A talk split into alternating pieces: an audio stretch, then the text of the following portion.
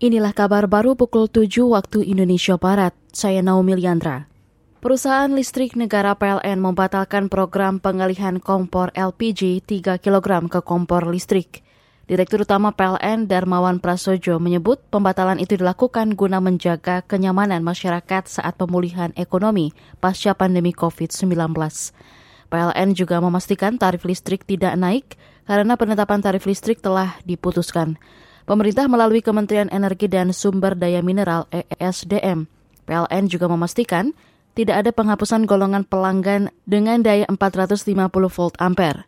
Daya listrik 450 volt ampere juga tidak akan dialihkan menjadi 900 volt ampere sehingga tarifnya tetap sama untuk masing-masing golongan.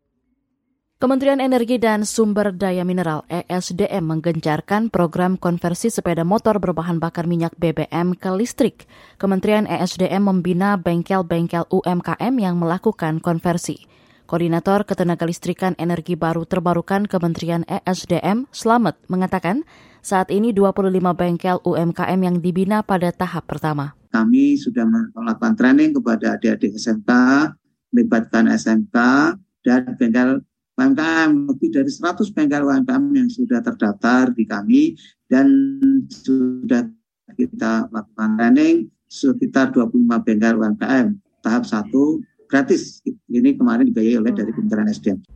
Koordinator Ketenagalistrikan Energi Baru Terbarukan Kementerian ESDM Selamat mengatakan, pada tiga tahun mendatang diharapkan ada 6 juta unit motor yang bisa dikonversi menjadi motor listrik.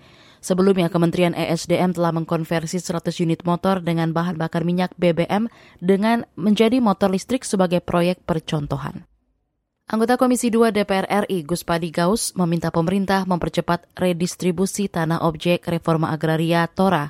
Ia berharap reforma agraria ini terlaksana sesuai tuntutan dan harapan masyarakat terutama menteri yang baru ini Pak Hari Cahyanto tentu ini diharapkan tentu ada punya visi misi tertentu dan uh, punya visi khusus bagi Pak Presiden bagaimana persoalan-persoalan tanah dan sengkarut masalah sengketa tanah bisa diselesaikan oleh Pak Hari Cahyanto ini untuk bisa menyelesaikan secara bertahap, secara masif, secara struktural dan lain sebagainya.